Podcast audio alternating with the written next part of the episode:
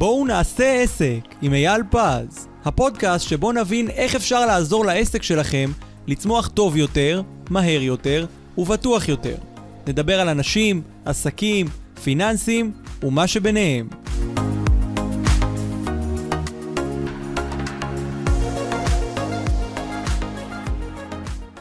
שלום לכולם, היום uh, אנחנו נמצאים בעוד פרק של עושים עסק עם אייל פז, והיום uh, בפודקאסט של היום אני uh, כחלק מהתהליך של פיתוח עסקי, כשבו אני בעצם עוזר לבעלי עסקים uh, לפתח את העסק שלהם ולהגדיל אותו, אני שמח לארח היום את שר הנדל"ן של ישראל, mm-hmm. את צחי קבטינסקי, שבעצם התפקיד של השיחה היום היא להראות את האפשרויות הנוספות לבעלי עסקים, איך למנף את היכולות הכלכליות של העסק, את הכספים שנצברים בעסק, את הדרכים שהם יכולים למנף את הכלים הכלכליים שהם צברו או רוצים לצבור, ובעיקר איך לייצר יציבות בחיים האישיים והעסקיים שלהם. צחי קבטינסקי, שלום. שלום וברכה, כבוד הבא. גדול, איזה כיף לי. אז uh, מי שלא מכיר, צחי, אנחנו נספר עליו בכמה מילים. צחי עוסק uh, בתחום הנדל"ן הרבה מאוד שנים, יזם בעצמו, בנה בעצמו, ניהל בעצמו, ועוסק בליווי בעלי עסקים ואנשים פרטיים בתחום של הנדל"ן. צחי יספר לנו קצת על זה יותר. צחי, אולי תן כמה מילים קצת רקע על, על הענף, לפני שנתחיל קצת לספר uh, מה אתה עושה. אז אני, כמו שאמרת, אני 32 שנים בתחום. אה, אני אה, במשך השנים, אה, כמו שאמרת קודם, שבניתי כמה פרויקטים, אני ירושלמי, בניתי בירושלים, בניתי במבשרת, פרויקטים יפים ומעניינים. לפני 16 שנים התחלתי, אחרי שחוויתי חוויה של נפילה עסקית, בתחום אחר לחלוטין, התחלתי ללמד השקעות נדל"ן, ללוות אנשים בתהליכים של החלטות על עסקים ונדבר עליהם עוד מעט, ללוות אותם בכל התהליך רכישה אה, ולהמשיך ביזמויות וזה מה שאני עושה היום ובגלל זה אני פה. מעולה, זאת אומרת שגם אה, גם נכשלת בעבר, לא רק מצליחים. אתה יודע, הרבה פרסומים, אני רואה כל הזמן שאנשים רק מצליחים. לא משנה באיזה, באיזה אה, קבוצת פייסבוק או איזה פרסומים, תמיד מספרים רק על ההצלחות. ואני שמח שלפחות אתה מספיק הוגן לספר לנו גם שנכשלת, גם אם זה בתחום אחר, אבל עדיין, וואלה, אתה בן אדם. גם מצליח, אבל גם נכשל. תקשיב, אלה שלא, אלה שלא נכשלו כנראה לא עשו, בגלל שמי שלא עושה לא נכשל לפעמים. להגיד לך שגם תמיד הצלחתי בנדל"ן בהצלחות אה, מטאוריות, אני אשקר. אבל אני יכול לקחת את הממוצע ולראות שאני עשיתי בסדר גמור, בגלל שעוד פעם, אני מאוד מקפיד על העשייה שלי, וכן, גם על הכישלונות שלי, אני מדבר, אני מרצה עליהם, אני מסביר עליהם. גם לומדים ש... מהם. אני חושב שזה חלק מהלימוד, זה חלק מהתהליך, זה חלק מההיכרות, ומהכישלונות שלי, למדתי הכי הרבה. מעולה. אז בדיוק על הרקע הזה, בעלי עסקים, אחד הדברים שמעניין אותם, הם מתעסקים בתחום המקצועי שלהם. אחד בתחום של ייצור, אחד בתחום של שירותים, אחד בתחום של אה, אה, אה, כל מה שבעולם תוכן שקשור במתן אה, אה, פתרונות לאחרים, אה, מישהו במקצועות חופשיים. למה שבכלל הוא יחשוב על תחום אחר? מה, אתה, אתה רוצה שהוא יעבור לעבוד בתחום אחר? תראה, אה, אני, אני מדבר עם בעלי עסקים, כן. בגלל זה גם אני פה, mm-hmm. אני מדבר איתם שהם צריכים משהו שיבנה להם מעבר לעסק שלהם השוטף, ואתה יודע מה, גם אם הם עוסקים בנדל"ן, שזה המרכז, הם לא מתעסקים במה שאני ממתג את עצמי בפנסיה העצמית שלהם מבוססת השקעות נדל"ן. פנסיה זה משמעות של אה, הכנסה פסיבית, פנסיה זה משמעות של ביטחון. וגם חברות נדל"ן, גם חברות נדל"ן, גם עסקים בכל התחומים, לפעמים מתעסקים, עושים, אבל שוכחים שהם צריכים לבנות לעצמם את העתיד, ושלא לא לעולם חוסן בעסק שלהם, וגם אם הכל לעולם חוסן, הם צריכים לעשות להם איזה הכנסות פסיביות מבחוץ, ובלי קשר... רגע, למה הם צריכים לעשות הכנסות פסיביות? יש להם עסק משל עצמם. למה הם צריכים עוד הכנסות מבחוץ? זה לא הפורטה שלהם, זה לא תחום ההתמחות שלהם. הם לא צריכים להתעסק בזה. אוקיי. הם לא צריכים להתעסק, הם צריכים לבנות לעצמם. תקשיב, אני הייתי עסק. אני, אני בניתי, הכל צמח לי יפה, הכל עבד לי יפה, ברוך השם. ואז נפלתי. אתה יודע מה, נכון, נכנסתי לתחום אחר, לא על זה הסיפור. תרצה גם פעם לדבר על זה. אבל פתאום מצאתי את עצמי, פתאום מצאתי את עצמי למטה. ואתה יודע מה, מה הציל אותי? הציל אותי, ואולי אז, אתה יודע מה, לא הסתכלתי על זה לגמרי, בגלל שאתה יודע, הייתי גם אמוציונלי, אבל בגלל זה היום אני עומד בשביל בעלי העסקים לתת להם את הפתרונות לזה. אני מכרתי, מכרתי נכסים שהיו לי, וזה עזר לי להחזיר חלק מהחוב, היה לי חוב גדול, להחזיר משהו מהחוב. אולי הייתי עושה את זה היום אחרת, כן? אבל הכל בסדר. אז הנדל"ן עזר לי בקטע כזה. יש לך מצבים שאתה בונה לעצמך את העסק, ואתה יום אחד יש לך, הצמחת בצד, תוך כדי, בלי להתאמץ, אתה יודע מה, לקחת זה נקודה אנשים, חשובה, תוך לקחת כדי. אנשים כמונו, מהמם. ש- שמלווים אותך, שעושים לך את זה, אז שילמת לבעל מקצוע, אז שילמת עוד איקס אה, כסף, ובנו לך שיהיה לך קאדר של נכסים, או נכס, משהו שעושה לך הכנסה ועושה לך שקט. זאת אומרת שאתה מדבר על משהו שהוא במקביל לפעילות השוטפת של העסק? ללא שום שייכות לעסק? העסק, בעל העסק, כן. לא צריך ללכת להתעסק מזה. בעל עסק, ואתה יודע את זה, ובייחוד בעולם שלנו היום, אנשים עסוקים, והיום גם הקצב של עסקים. והחד- מטורף. והחדשנות, ו- ואתה כל הזמן צריך להתקדם וללמוד. אתה קונה מצלמה, אנחנו באולפן פה, אתה קונה מצלמה, עוד לא, עוד לא קנית אותה, היא כבר התיישנה. אנחנו יודעים איך זה עובד. אני קניתי מיקרופונים בשביל להקליט, וכבר, כשיצאתי מהחנות כבר היה מיקרופון חדש. אנחנו צריכים להיות כל הזמן בעסק. אני גם לא אומר, גם לעשות את הדברים. אתה מלמד אותנו שאנחנו צריכים להתמקד ו- ולעשות ולהשקיע ולהתמקד בחומר שלנו וללמוד את המתחרים. אין לנו זמן לעשות את הדברים האחרים. בוא ניקח מישהו שיעשה לנו את זה. אנחנו יודעים לעשות את זה? בוא נעשה את זה. בוא נדאג שיהיה לנו נכס, נכסים. אה, אני מדבר גם ברמה הפרטית וגם מתוך העסק, ותכף נסביר את זה. תכף נפרט, כן? ונדאג שזה יכניס לנו הכנסה נוספת או לעסק או בפרטי, ואתה יודע מה? גם אם אנחנו קונים נכס למשל, ואנחנו ממנפים אותו דרך בנק, ובאורך 10, 15, 20 השנה שאנחנו מגדלים את העסק, זה גדל לבד, זה, זה, זה מחלקל את עצמו. המשכנתה מכוסה על ידי ההכנסה משכר הדירה, אנחנו לא רואים מזה כלום. אבל בנינו, בנינו לעצמנו עוד הכנסה פסיבית לעתיד, יש לנו עוד שקט אה, תעשייתי, קרה משהו לעסק, לא קרה בעצם כלום, הנה אנחנו מסודרים. מעולה. אז בעצם מה שאתה מציע לבעלי עסקים, זה במקביל לפעילות העסקית שלהם, להתחיל לדאוג גם ל- ל- לעתיד שלהם, בדרכים שהן לא קשורות ישירות לעסק. אז איך, איך עושים את זה? איך זה מתחיל התהליך הזה? תראה, אנחנו נדבר על שני פנים, בסדר? בוא נתחיל בפן הפרטי. בן אדם מושך כסף הביתה. בן אדם צובר כסף. נכון שאם אני חברה בעם, אני בדרך כלל משאיר את הכסף בחברה, אני עצמאי, אז אני מושך את הכסף, אני חי מהכסף. אני צובר כספים. אני צובר כספים, יש לי כל מיני קרנות, יש לי כל מיני עודפי הכנסה שאני מביא. במקום להחזיק את הכספים האלה בקרנות או בדברים של, שלא מכניסים כלום או שלא עושים טוב, או במקביל, בגלל שלפעמים אנחנו צריכים לבנות את התיק, אנחנו עושים בניית תיק פיננסי נכון, וחלק ממנו אנחנו מקדישים לנדל"ן, וחלק אה, אנחנו מקדישים לשוק ההון או לכל התחומים האחרים. אנחנו יכולים לדאוג, למשל לקחת סכום, ותלוי בסכומים שיש לנו. גם אם יש לנו 200-300 אלף שקל, אנחנו יכולים ללכת לקנות נכס להשקעה, ושהמשכנתה תשלם אותו. אנחנו יכולים אה, לקנות דירות, דירות ש, ש, שמשלמות את עצמם, שיגדלו לבד. נכון, צריכים פעם בשנה... אבל אין אין, אין התעסקות בזה? תראה, אין, אין דבר כזה אפס התעסקות. המילה לחלוטין. פסיבי היא מאוד מרתיעה, כי בסוף. זה לא באמת פסיבי. בסוף יודע- צריך להתעסק בזה. מי, מי יתעסק בזה? אז אני אגיד לך, אחת, אחת השאלות, אחת השאלות שאני נשאל, קנית מאות דירות לאנשים, למה אין לך חברת ניהול?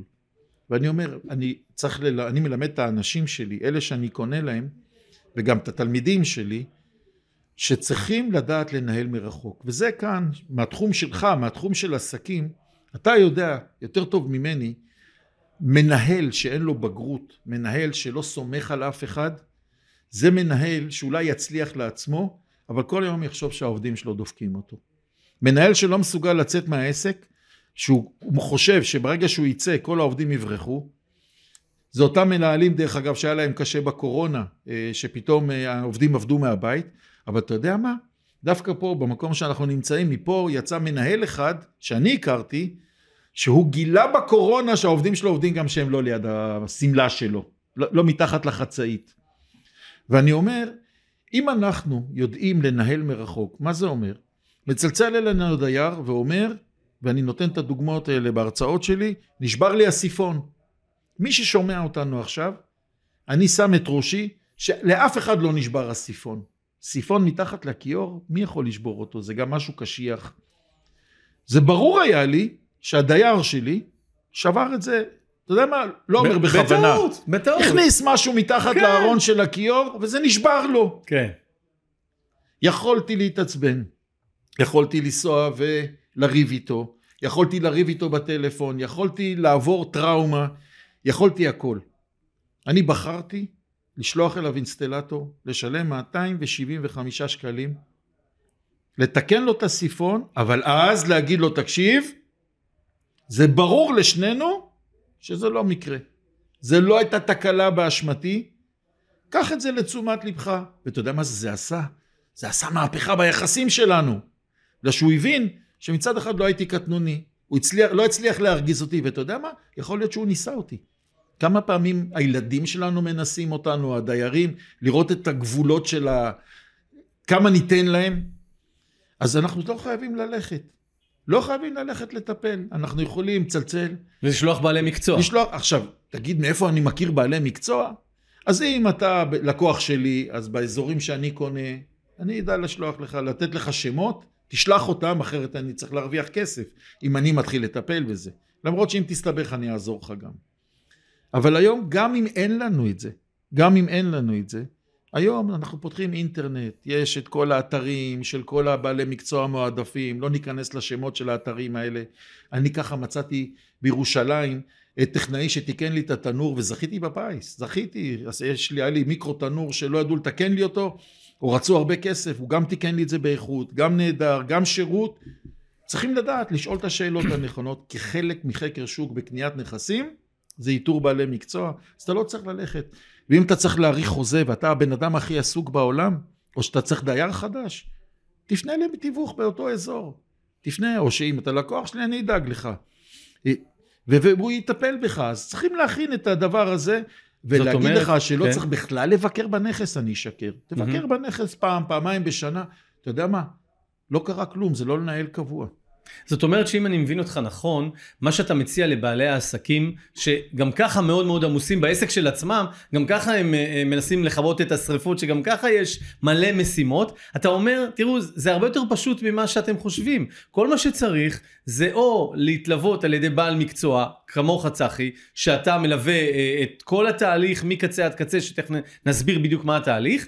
או גם אם אתה עושה את זה בעצמך, בלי איש מקצוע שמלווה אותך, אתה לוקח בעלי מקצוע ספציפיים לאותו תחום, כמו שאתה לוקח עורך דין לעריכת החוזה, ומתווך למציאת הדירה, או שאתה תמצא את זה בעצמך, ככה גם אתה לוקח אינסטלטור, או איש מזגנים וכולי, ככה שבסופו של דבר זה מאוד מאוד פתיר. כשהתהליך הזה, אתה אומר, יוצר נכס או נכסים שהולכים במקביל לפעילות העסקית, כמעט לא מפריעים לפעילות השוטפת, גם לא עולים כסף בפעילות השוטפת, כי בעצם שכר הדירה מממן את, ה, את העלות של המשכנתה, ועוד לא דיברנו על מינוף, שתכף נדבר על היתרון בתחום הזה, ואתה אומר שבסופו של תהליך, בעל העסק יצר לעצמו מקורות הכנסה נוספים. כן, מה שחשוב בכל התחום הזה, כן. זה שיש עוד, כאילו משהו שהוא נוגע למה שאמרת עכשיו. קודם כל חשוב לעשות תוכנית. בעל עסק שרוצה עכשיו אה, ללכת ולעשות את הפעולה הזאת, צריך לשבת ולבנות תוכנית ולקחת בן אדם שעושה את זה בצורה ניטרלית. לא לקחת כאלה שמשווקים את המוצר פרויקט שלהם. הספציפי, כן. שהם- או ש, שיש להם שיווק מסוים. לקחת, כמו שאני עושה את זה, בצורה מאוד אובייקטיבית שמתאימה לבעל הנכס.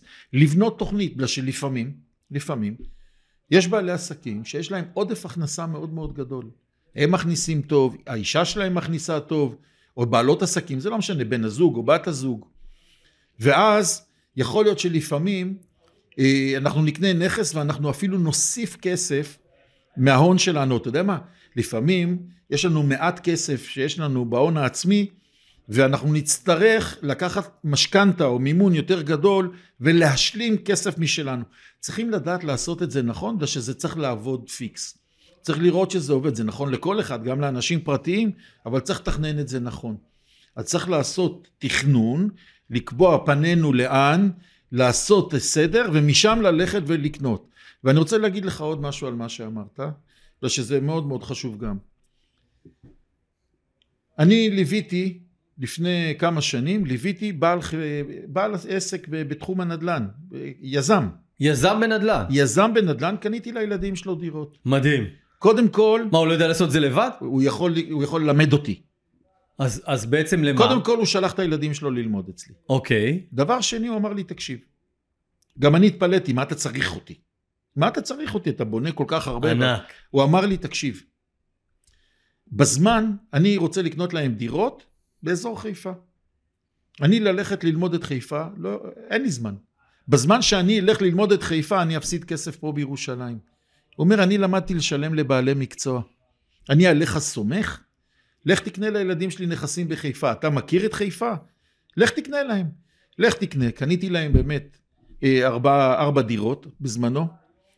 אנחנו כבר הספקנו לעשות עליהם אפילו אקזיט, אפילו מכרנו אותם, בגלל שהם בסוף היו צריכים את הכסף לעסקאות שלהם, ועשינו אפילו יפה לביתם. אבל מה שאני בא להגיד, שמה שהיה נכון לאיש הנדל"ן הזה, הוא היה חכם. הוא אמר, אני, אם אני אלך לבזבז את הזמן, אני אפספס זמן של כסף. אותו דבר זה כל בעל עסק. אם הוא עכשיו צריך ללכת להתמחות, לעשות חקר שוק, אייל, אני מלמד עכשיו בקורס חקר שוק, אתמול לימדתי בערב חקר שוק ולימדתי את המקרו. לימדתי את הבסיס, את החשיבה, אני אוהב שלומדים לחשוב, ואומר לי אחד התלמידים, אתה מלמד אותי מקרו. אז כולם קפצו עליו וגם אני, ואחר כך זה הפך להיות בדיחה של השיעור. אמרתי לו, אדוני, אם אתה לא מבין את החשיבה, אתה לא תדע אחר כך לעשות את הפעולות בשטח. חקר שוק זה עבודה קשה מאוד, זה צריך להכיר את כל האזור, צריך לדעת הכל, זה לא ללכת למתווך ולקנות מה שהמתווך אמר. מאיפה אנחנו יודעים שמה שהמתווך מוכר לנו זה נכון? יהיה המתווך האמין ביותר, איך נדע? אז זה עבודה. אז לפעמים צריך לקחת שליח, מישהו שאנחנו סומכים עליו, ואני מקווה שאני השליח הנכון, לפחות במחיר הזמן, או בבדיקת הזמן, זה עובד ברוך שלה, השם, כן. אבל מי אני שאני אעיד על אה, כן. עיסתי, ולקחת מישהו לחקור, אם הוא יודע לתת לנו את השירות, אנחנו אנשים שאוהבים בעלי מקצוע. אתה גם, כשאתה חונך את העסקים, אתה לא אומר לאנשים לעשות הנהלת חשבונות לבד, היום אפשר לעשות את זה באינטרנט, אתה אומר קחו יועץ מס, קחו רואה חשבון, קחו את הכי טובים. אתה משלם להכי טוב, כמה הוא חוסך לך? אתה לוקח אותך כיועץ עסקי, לוקחים את הכי טוב, כמה אתה יודע לפתור לאנשים בעיות? זה מה שאנחנו מלמדים לעשות, זה מה שאנחנו עושים, ואנחנו מעולה, אז על זה אני רוצה לספר שני, שני דברים. אחד, אה, פעם אה, אה, ליוויתי בעל חברה שההון העצמי שלו הוא מאות מיליונים. אוקיי? לא העסק, העסק אתה יכול להבין לבד. והוא אמר, אני לא מספיק עשיר לקנות דברים זולים ולמצוא בעלי מקצוע זולים. זה אמר מישהו שיש לו בהון העצמי כמה מאות מיליונים. אז זה אפרופו למה חשוב לקחת איש מקצוע ממש טוב שחוסך בסוף הרבה מאוד כסף. על פניו יש לי בדיוק את, ה, את המאמר ואת הסרטון על ההבדל בין כסף יקר לכסף זול. אנחנו תמיד הרי מסתכלים על ההוצאה בתור כסף יקר ולא מבינים שזה הכסף הכי זול כי נכון. כל מה שזה חוסך לנו זה הופך את זה להרבה יותר זול את כל הפעילות. לא משנה אם זה בקניית נדל"ן או בפעילות עסקית. אני... ואפרופו מה שאמרת לעניין מקרו שאתה מציג את המקרו מה שעשה אותו אה, יזם נדל"ן זה שיעור ראשון במיקרו כלכלה ששואל אותך מרצה האם אה, אה, אה, מישהו אה, רופא שיניים ויש לו בית פרטי אבל הוא רוצה לעבוד בגינה ובא לו בכיף שלו לעבוד בגינה האם שווה לו להביא את הגנן ולשלם לגנן 100 שקלים לשעה ובזמן הזה להפסיד את ה... אה, לעשות בקליניקה שלו ולהרוויח אלף שקלים על הפעילות שהוא עושה בתוך הפה של, של אנשים אחרים או לעזוב את הקליניקה וללכת לטפל בגינה ולחסוך את המאה שקלים. אז זה אפרופו שיעור ראשון במיקרו כלכלה. הנה עכשיו דיברנו פה בחוץ באולפן ואמרתי שאני עושה לעצמי את כל הקידומים ואת ההכנה של הדפי נחיתה לפודקאסטים כן. ולזומים כן. שלי והכל ואנשים הרימו עליי גבה גם ישבתי עם שני מנהלי, שני יועצים עסקיים וגם, כזה פגישת נטוורקינג וגם הרימו עליי גבה. אבל זה עושה לי כיף וזה עושה לי טוב. זה חלק מהעניין, זה חלק מהעניין. וגם, תדע לך שאני למדתי הרבה דברים מאבא שלי, ומה שאתה סיפרת עכשיו, אבא שלי מהנדס חשמל מאוד ותיק. ויום אחד בא אליו יזם, שהלך לבנות בניין למשפחה שלו, בניין אה, מעבר לעבודה שלו, לבנות בניין של כמה דירות, שלוש או ארבע דירות. כן. אז אבא שלי אמר לו, תקשיב, אתה, יש לך את הקבלן חשמל, אה, עוזי, שאחד הגדולים, אחד המבינים, בשביל מה אתה צריך לשלם לי? קח אותו שהוא יעשה לך את החשמל בבית. והוא אמר לו, משה, אני יותר מדי עני בשביל, בשביל לחסוך אותך, נכון. ואני ככה בניתי, ואני שילמתי הון תועפות על פיקוח ועל המהנדס, אני עשיתי ניהול פרויקטים, ואתה יודע כמה חסכתי בזה שלא היה לי בדק, ולא היה לי דברים, תשלם לבעלי מקצוע בעלי מקצוע טובים. טובים, כן. זה מחזיר לך, גם אם באותו רגע אתה חושב שאתה משלם נכון יותר. מאוד, ובלונגרן זה לא רק שחוסך זמן, זה חוסך הרבה מאוד כסף, הרבה התרכזויות, הרבה כאבי לב, הרבה דאגות. ברגע שאתה לוקח איש מקצוע, בכל תחום דרך אגב, אתה יכול לפתור הרבה מאוד בעיות עוד לפני שאתה, בכלל לפני שהן קורות, אתה מונע אותן. ולכן זה נקודה חשובה. צחי, אני תמיד שומע אותך שאתה מדבר על זה שצריך להיות מנכ"ל של העסקה. אתה יכול להסביר למה אתה מתכוון? בוודאי. הרי אנחנו מדברים פה עם בעלי עסקים שהם ממנכ"לים את העסק של עצמם. אז למה אתה מתכוון בזה? תראה, הכוונה שלי שמנכ"ל, מנכ"ל, לפעמים לא צריך לדעת, או בדרך כלל לא צריך לדעת לרדת לכל הדברים המדויקים בתוך החברה. לא תמיד הוא יודע איך אורזים, ולא תמיד, הוא צריך לדעת בגדול, או מה שאמרנו קודם מקרו, הוא צריך לדעת לה- להכיר, להבין, הוא לא יכול להיות בור, אבל הוא צריך לדעת על זה מלמעלה. מלמעלה. מנכ"ל זה אחד שצריך לקבל כלים להחלטה. אני למדתי את זה במקומות הביטחון שהייתי שם. אתה יודע, מנהל טוב זה מנהל שאין לו אף נייר על השולחן. מנהל טוב זה בן אדם שעכשיו נגיד הוא רוצה לעשות קנייה של נדל"ן, מביא, מביא את היועצים שלו, מביא את האיש נדל"ן שלו, את החשב שלו, את העורך דין שלו, מביא את הצוות ואומר להם חבר'ה, לאיש הנדל"ן אומר לך תביא נכס, לאיש המשפטים לך תבדוק אותו, לאיש הכספים תבדוק לי כלכלית את העסקה, מחלק תפקידים, הם באים והם אומרים לו את התוצאות. ואז אומר המנכ"ל, האיש אה, כספים אומר, תקשיב, זה לא העסקה עם התשואה הכי גבוהה, או יש פה איזה בעיה. אומר היועץ המשפטי, תקשיב, יש פה איזה בעיה משפטית כזאת או אחרת. וכיוצא בזה. אומר המנכ"ל, שמעתי, הבנתי, אני מסתכל על הדברים, היתרון שלי מלמעלה. זה שאני רואה את הדברים בר- ברוחב. מתכלל את הכל. כן. אני רואה את הדברים מעבר, זה, מהמם. זה הגדולה של מנכ"ל, הוא לא מסתכל בנקודתי. ו- והוא יכול להחליט, למרות מה שאמרו לו, לקנות את הנכס. הוא רואה את המעבר, הוא רואה את העתיד, בשביל זה יש לו את הראייה, בשביל זה הוא נהיה המנכ"ל. נכון מאוד.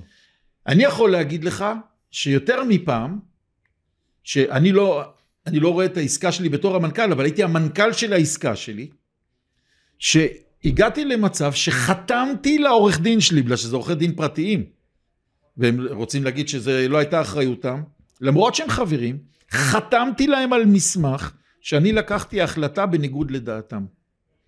הם רצו ביטחונות מסוימים, ואני ראיתי מי המוכר, וראיתי מה העסקה, וראיתי את היתרון, וראיתי את כל הדברים. ולמרות הייעוץ המשפטי, קיבלת החלטה. אני לא אומר לעשות את זה. אני אומר, אל תעשו את זה, אם אתם לא יודעים. בסדר? בשביל זה יש לכם בעלי מקצוע, אבל מהמם. בשביל זה אתם המנכ"לים.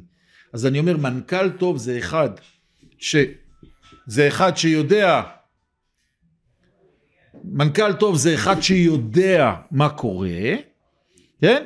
מקשיב ועושה החלטה, וזה לשמחתי, יצא לי ללמוד בחיים ממנהלים בכירים, בעיקר בעולם הביטחון, שראיתי איך הם עושים החלטות אחרי שהם שומעים את הנתונים, וזה טיפ גדול מאוד לחיים. זה טיפ ענק, והאמת שאתה יודע, זה מזכיר לי את הסיפור שבן אדם, איך הוא, איך הוא צריך לנהל. הדרך הכי טובה לנהל זה, האמת, לקחת מהנרי פורד את הדוגמה המפורסמת שלו. בא, באו לראיין את הנרי פורד עם הסיפור המפורסם על המודל T, כן? אה, של הרכב לפני מאה ומשהו שנים. ובא מהעיתון הכלכלי לראיין אותו ולשאול אותו איך המכונית עובדת ומה הוא עושה ומה היא עושה. והנרי פורד יושב בחדר הענק שלו והכתב שואל אותו תגיד איך עובד המנוע? אז הנרי פורד לוחץ על כפתור נכנס המהנדס מכונות ומתחיל להסביר על המנוע ואיך המנוע עובד. ואחרי שהוא מסיים אומר לו אוקיי הכתב תגיד ואיך עובד המבנה של ההגה? לוחץ על הכפתור נכנס המהנדס שאחראי על ההגה וככה על כל תחום הוא לוחץ על כפתור ונכנס המהנדס שאחראי על התחום. בסוף ה- ה- הראיון אחרי שכל המהנדסים יצאו והסבירו בפרוטרוט מה איך עובד הרכב שואל אותו הכתב תגיד אבל מה, מה התפקיד שלך? אתה בעלים של העסק ואתה מנהל- את העסק אז מה התפקיד שלך הוא אומר התפקיד שלי לדעת על איזה כפתור ללחוץ זה ממש ככה. ואני רוצה שבאמת אה, ניקח, אם כבר חזרנו לעסקים, ניקח את מה שיכולים לעשות בעלי העסקים מהמם. שיש להם כסף בתוך או, העסק. בוא נדבר על העניין הזה, בעלי חברות, בעלי עסקים שיש להם כסף בתוך העסק, אם יש לי חברה בעם לצורך העניין, וכבר יש לי כסף שיושב שם, ואני כנראה לא עושה איתו כלום כרגע, לא ממנף אותו לתוך העסק. בוא אחד- נדבר גם על הקבוצה אז אני הזאת. אגיד לך משהו. אחת הבעיות של בעלי עסקים, בייחוד כן. הקטנים והבינוניים, זה שמצטבר להם כסף, מקבלים הוראה מהרואה חשבון שלהם, אל תמשכו את כל הכסף כדי לא לשלם מס, חבל, תמשכו מה שאתם צריכים. נכון שפעם בשנה מחלק איזה דיבידנד או משהו, אבל אומר כל זמן שאתם לא צריכים, תשאירו את הכסף בעסק. בעסק. ואז, מה הם יעשו עם הכסף? ייקחו אותו בפק"מים, הם משלמים על זה מס או משהו, הם לא, אין להם גם, לא תמיד יש להם את מי שיטפל להם בזה. ורק אתמול ישבתי עם בעל עסק, שנצבר לו המון כסף בפנים. ואתה יודע מה? גם אם לא נצבר המון כסף. ואנחנו לא מבינים שאנחנו יכולים לקחת את הכסף הזה ולהפוך אותו לכסף. אנחנו יכולים לקחת אותו ולקנות נכסים. אנחנו יכולים, וזה לא התפקיד שלי, אני לא רואה חשבון, אנחנו יכולים להקים חברת נכסים שהיא שלנו, באותה בעלות של העסק, להעביר את הכסף לשם, בהעברת הכסף אין מיסוי. אנחנו יכולים להקים חברה לדוגמה, שתנהל, זאת אומרת שתקנה נכס ותנהל אותו, כן, תשלם מס פנימי, אבל במשיכה של הכסף חזרה אין, אין, אין מיסוי.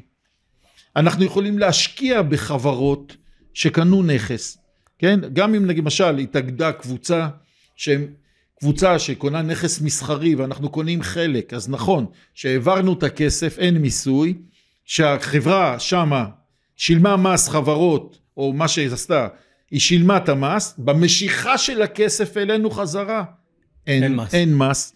ועוד פעם, אני לא מייעץ לא- לא כאן, מייעצים אני פה, לא רואה חשבון, אני אומר חשבון. רק מה שאני יודע מידע אישי. וניסיון. כן. אבל מה שיצרנו, יצרנו לנו הון. משהו כזה למשל, שאם למשל אתה, אתה יודע, ביום אחד אתה, ביום אחד אתה תמכור את החברה, תמכור את הפעילות, אתה יודע, אנחנו... יום אחד בטוח זה יקרה דרך אגב. יפה, אז תבנה לך מהכסף הפנימי, תבנה לך בתוך החברה, תבנה לך משהו, או שאתה יודע מה, לא, המוצר שאתה מייצר, או מה שאתה עושה, אתה יודע, בדינמיקה, דיברנו על זה קודם של היום, דברים אה, משתנים. לפעמים אה, פתאום אתה הופך להיות לא רלוונטי. לא רלוונטי, כן, טכנולוגיה משתנה, כן, אתה רצונות שוק מייצר משתנים, כוסות, ופתאום תחרות. יש הוראה שלא משתמשים יותר בכוסות נייר. נכון.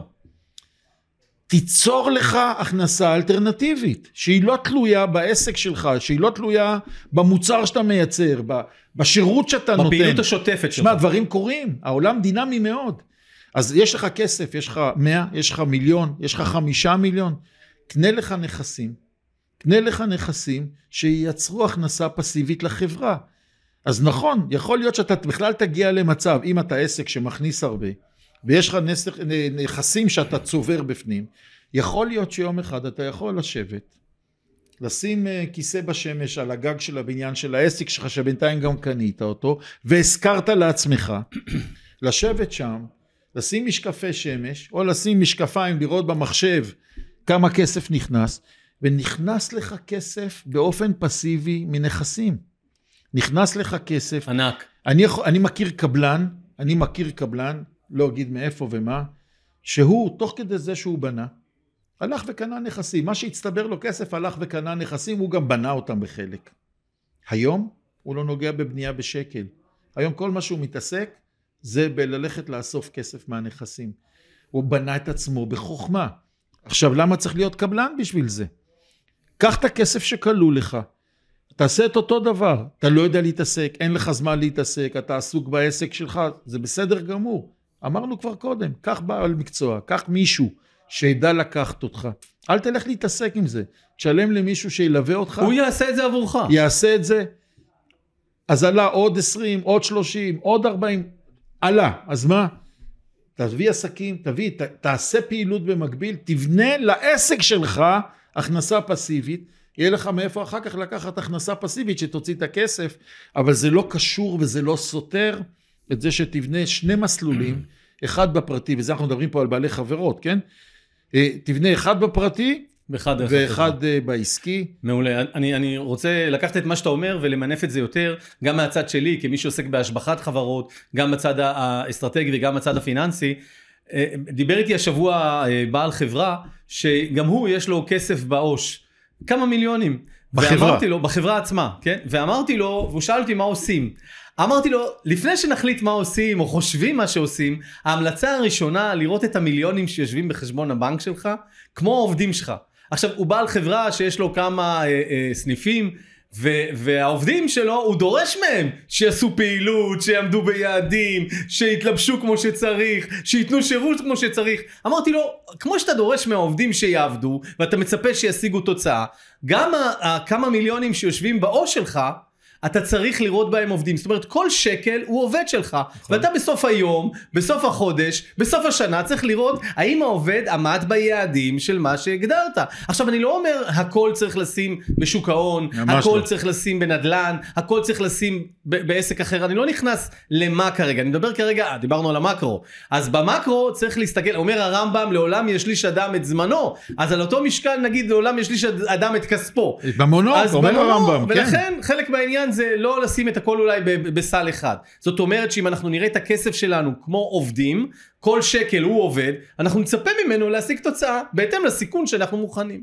הדבר השני שרציתי להגיד על העניין הזה, אני חושב שכשלוקחים בעל מקצוע, אז, והוא עומד בפייסינג מול בעלי המקצוע האחרים, זאת אומרת הוא הופך, הוא הופך להיות זה שיכול גם לדרוש מבעלי המקצוע תוצאות. ואני מניח שהרבה פעמים, ואתה גם סיפרת לי על זה, שהצלחת להשיג מחירים טובים יותר בנכסים שאתה קנית ללקוחות שלך, מאשר אם מישהו היה בא באופן פרטי, כי הוא לא, אולי הוא לא מכיר את השוק, אולי הוא לא נזהר ברור. מספיק וכולי, אז זה נקודה שנייה. ונקודה שלישית, ובעיניי היא הכי חשובה, עסק צריך לייצר לעצמו ריבוי מקורות הכנסה.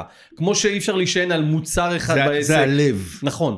כמו שאי אפשר להישען על, על מוצר אחד בעסק, על תחום פעילות אחד בעסק, והחלק מה, במה שאני עוסק בפיתוח העסקי זה לייצר ריבוי מקורות הכנסה, כמו שיש גם ריבוי מקורות של השיווק של העסק.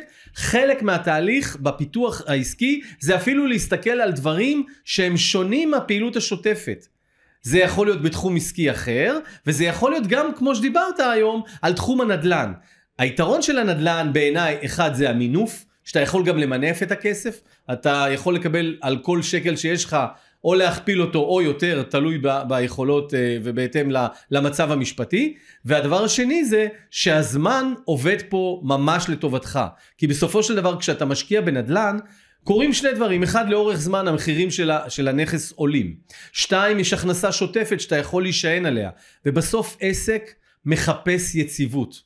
כל בעל עסק, אחד הדברים שאנחנו עובדים עליו, זה להוריד את האמפליטודה שקופצת, ויש הכנסות מטורפות בחודש אחד, והוצאות מטורפות בחודש אחר. ואנחנו אף פעם לא יכולים לדעת מה עומד להיות. אבל ככל שנעבוד בצורה נכונה, נצליח לייצב ולהגיע לאיזשהו בנצ'מארק סביר, ועם גידול סביר בתוך העסק, בלי איזה מרתונים. עסק זה עבודה כמו, בלי ספרינטים, עסק זה עבודה במרתונים. עסק זה כמו בחקלאות, שאתה מסכל את האבנים, וחורש, וזורע, ומדשן שנייה לפני, ומשקה, ומשקה, ומתפלל לקדוש ברוך הוא שירד גשם ברכה, ושיהיה שמש טובה, ולא יהיה קרה, והכל יהיה בסדר, ואז אתה מחכה לתוצאה. כשיש תוצאה כזאת, אתה מסתכל רק לטווח ארוך, ונדל"ן זה הסתכלות לטווח ארוך, אתה יכול להשיג דברים בעסק ברמת היציבות של העסק, ברמת היציבות האישית, הנפשית אפילו, ובטח ובטח הכלכלית. כן. צחי, לסיום הפודקאסט המדהים שהיה היום, האם אתה יכול לתת טיפ הכי גדול לבעלי העסקים? מה הטיפ כן. הכי גדול שלך? הטיפ הוא פשוט, לקחת בעלי מקצוע. אני ממליץ לבעלי העסקים הקטנים, הבינוניים, אני בעיקר מדבר עליהם, אבל גם הגדולים. קחו לכם שני אנשים כדי לפתח את זה. קחו לכם יועץ פיננסי, מישהו שידע לבנות לכם תוכנית איפה לשים את הכספים והכל, לחלק לכם את הכספים, לעשות לכם תוכנית. קחו איש נדל"ן שייקח אתכם, אה, אתם לפעמים לא יודעים מה אתם יכולים. שייקח אתכם לבנות אה, נכסים, תבדקו את זה היטב, תבדקו היטב את מי אתם לוקחים. זה חקר השוק שאתם צריכים לעשות אם אין לכם זמן, וגם כאן, אם יש לכם יתרון יחסי, למשל, אם אתה בעל עסק, שהיתרון שלך הוא במשא ומתן, ואתה יודע לעשות אותו כנראה יותר טוב מאחרים, תדאג לבנות את הדרך עם היועצים שלך, למשל עם יועץ הנדל"ן כמוני, להגיד לו, אדוני, כשאתה מגיע לנכס, בוא, אני אבוא עם הידע שלי, תכין אותי לפגישה, הרי הכנה של משא ומתן. דיברנו על זה, זה הכנה מאוד כבודה, כבדה, תכין אותי למשא ומתן, ותיתן לי. אני יכול לספר לך רק, שאני פעם אה, ליוויתי, אה, בש- בשכירת נכס מאוד גדול, ליוויתי אה, יזם שעשה כבר שני אקזיטים, אבל הוא הבין שבנדלן, שאנחנו נשב מול החברה לשכור את הנכס הגדול שהוא שכר, יש לי את היתרון. וישבנו ועשינו סיכום. עשינו סיכום, הלכנו אליהם, ישבנו בקריית עתידים, זה נכס בירושלים ששכרנו. אמרתי לו, אנחנו יושבים בטווח שאני יכול לתת לך את הבעיטה, או אתה תיתן לי את הבעיטה. כל אחד בנקודת חוזק שלו. זאת אומרת שאם אחד מאיתנו מרגיש שמכאן הוא רוצה להיות לבד ולרוץ קדימה, השני, הוא נותן לשני בעיטה. והיה שלב שאני נתתי לו בעיטה, הוא שהוא מנכ"ל ועשה אה, זה ועשה אקזיטים, בחור מבריק, מבריק, משכמו ומעלה, עשה מאז עוד, אוקיי? נתתי לו את הבעיטה הקטנה, הוא נהיה דג, הוא לא דיבר מילה, ונתן לי לרוץ עם זה קדימה, והצגתי לו את ההישג הכי טוב בעולם, עם שיפוצים ועם דברים שקיבלנו מבעל הנכס, וככה צריך להתנהג. מדהים. אז תדעו איפה אתם טובים, תדעו איפה אתם חזקים, וגם אם אתם נדל"ניסטים גדולים, אבל אתם עסוקים בעסק שלכם, בשוטף שלכם. קחו מי שיעשה לכם מדהים. את זה. ואני uh, רוצה להציע את הטיפ שלי בהקשר שלך צחי, זה שכשעוסקים בניהול עסק ועסוקים מאוד, אין זמן להתפנות לדברים שוטפים, לפחות להתפנות לשעה אחת בלבד ולהקשיב לבעל מקצוע מתחום אחר. להקשיב לרעיון שלו, גם אם בסוף נחליט שהאמת את זה אנחנו לא עושים, אבל לפחות להיות פתוח, כי אנחנו בדרך כלל יודעים את מה שאנחנו יודעים, אנחנו יודעים איזה דברים אנחנו לא יודעים, אבל אנחנו לא יודעים אפילו את מה שאנחנו לא יודעים, אנחנו אפילו לא יודעים, וזה הרבה יותר. ולכן ההצעה שלי, הרעיון שאני מציע, לבוא ולהקשיב לפחות לשעה אחת. למי שלא יודע, לצחי יש ערוץ פודקאסט משלו, ו- וגם uh, יש לו uh, תוכנית זום uh, שבועית. צחי, התוכנית פודקאסט או ערוץ פודקאסט שכבר יש בו uh, 100 uh, פודקאסטים, uh, נכון להקלטת השידור. הוא נקרא, נדל"ן בשידור. נדל"ן בשידור. בשידור. אפשר שבו יש הרבה אותו. מאוד ערך ואפשר למצוא אותו. אני גם עושה לבד וגם הבאתי בעלי מקצוע כמו אייל פז שהערכתי אותך ואני מביא אנשים שנותנים ערך ברמה האישית וברמה המקצועית אה, יש לי את ערוץ זום הנדל"ן שזה כל יום ראשון אה, בשמונה וחצי בערב שזה מפגשים אה, בזום לייב משמונה וחצי עד עשר, עשר וחצי תלוי בעניין שגם שם היו אצלי אורחים, בנקים, אה, גופים גדולים, אה, יועצים עסקיים, אה, אתה אה, אנשים שיכולים לתת ערך לאנשים מעולה. וזה הכל בשביל ללמד ולתת זה חינם זה לא עולה כסף ו- וזה נותן המון ערך ולכן זה, חשוב. מה שאני מציע לכל מי שרוצה זה מה שאנחנו עושים דרך לבחון את אגב האפשרות, בדיוק, לפחות להקשיב פעם אחת לשעה אחת, ואז אחרי זה לקבל את ההחלטות. צחי, היה פודקאסט מדהים, אני רוצה להודות לך גם על הידע ששיתפת אותנו, גם על האפשרויות שהצעת לנו, וגם על זה שבילית איתי את, ה, את הזמן הזה. איך צחי. אני יכול לוותר על החיבוק תודה רבה, בהצלחה לכולם, יום תודה טוב. רבה